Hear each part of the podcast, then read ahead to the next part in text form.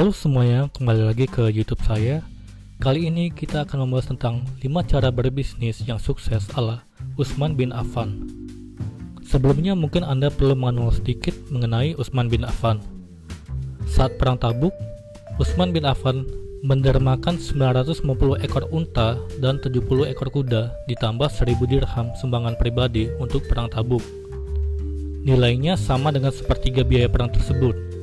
Utsman bin Affan juga menunjukkan kedermawaannya tatkala membeli mata air yang bernama rumah dari seorang lelaki suku Gifar seharga 35.000 dirham. Mata air itu ia wakafkan untuk kepentingan rakyat umum. Lalu, pada masa pemerintahan Abu Bakar, Utsman bin Affan juga pernah memberikan gandum yang diangkut dengan seribu unta untuk membantu kaum miskin yang menderita di musim kering. Berikut adalah cara berbisnis yang sukses ala Utsman bin Affan. Yang pertama, mengelola bisnisnya secara langsung. Utsman bin Affan mengelola bisnisnya sendiri dengan terjun langsung untuk mengelola bisnis, maka Anda akan mendapatkan pengalaman-pengalaman yang tidak akan Anda dapatkan kalau Anda langsung membayar orang dari awal membangun bisnis. Dengan mempunyai pengalaman dalam mengelola bisnis, saat nanti Anda mempunyai karyawan, Anda bisa membaca gerak-gerik karyawan Anda. Selain itu, Anda juga lebih bisa mendapatkan pelanggan tetap jika Anda bisa bersikap ramah secara langsung terhadap pelanggan Anda. Kedua, mengembangkan bisnisnya.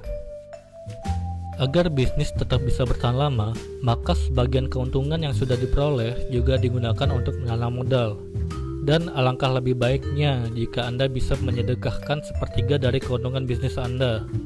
Jadi, rumus pembagian keuntungannya adalah sepertiga untuk dinikmati, sepertiga penambah modal, dan sepertiga untuk disedekahkan. Infakkanlah hartamu, janganlah engkau menghitung-hitungnya.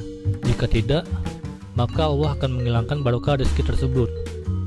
Janganlah menghalangi anugerah Allah untukmu. Jika tidak, maka Allah akan menahan anugerah dari kemurahan untukmu. 3. Tidak meremehkan setiap keuntungan.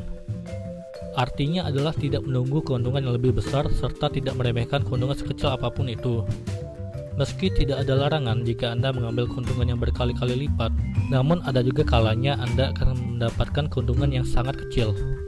Nah, ketika Anda mendapatkan keuntungan yang sangat kecil tersebut, seharusnya Anda tetap bersyukur karena Anda masih mendapatkan untung, bukan rugi. 4. Tidak membeli stok lama. Sebaiknya Anda tidak berbelanja barang-barang stok lama karena kebanyakan konsumen akan mencari barang yang masih baru terlebih lagi kalau itu barang yang bisa basi. 5. Menjadikan satu modal yang dimiliki menjadi dua modal untuk dijual.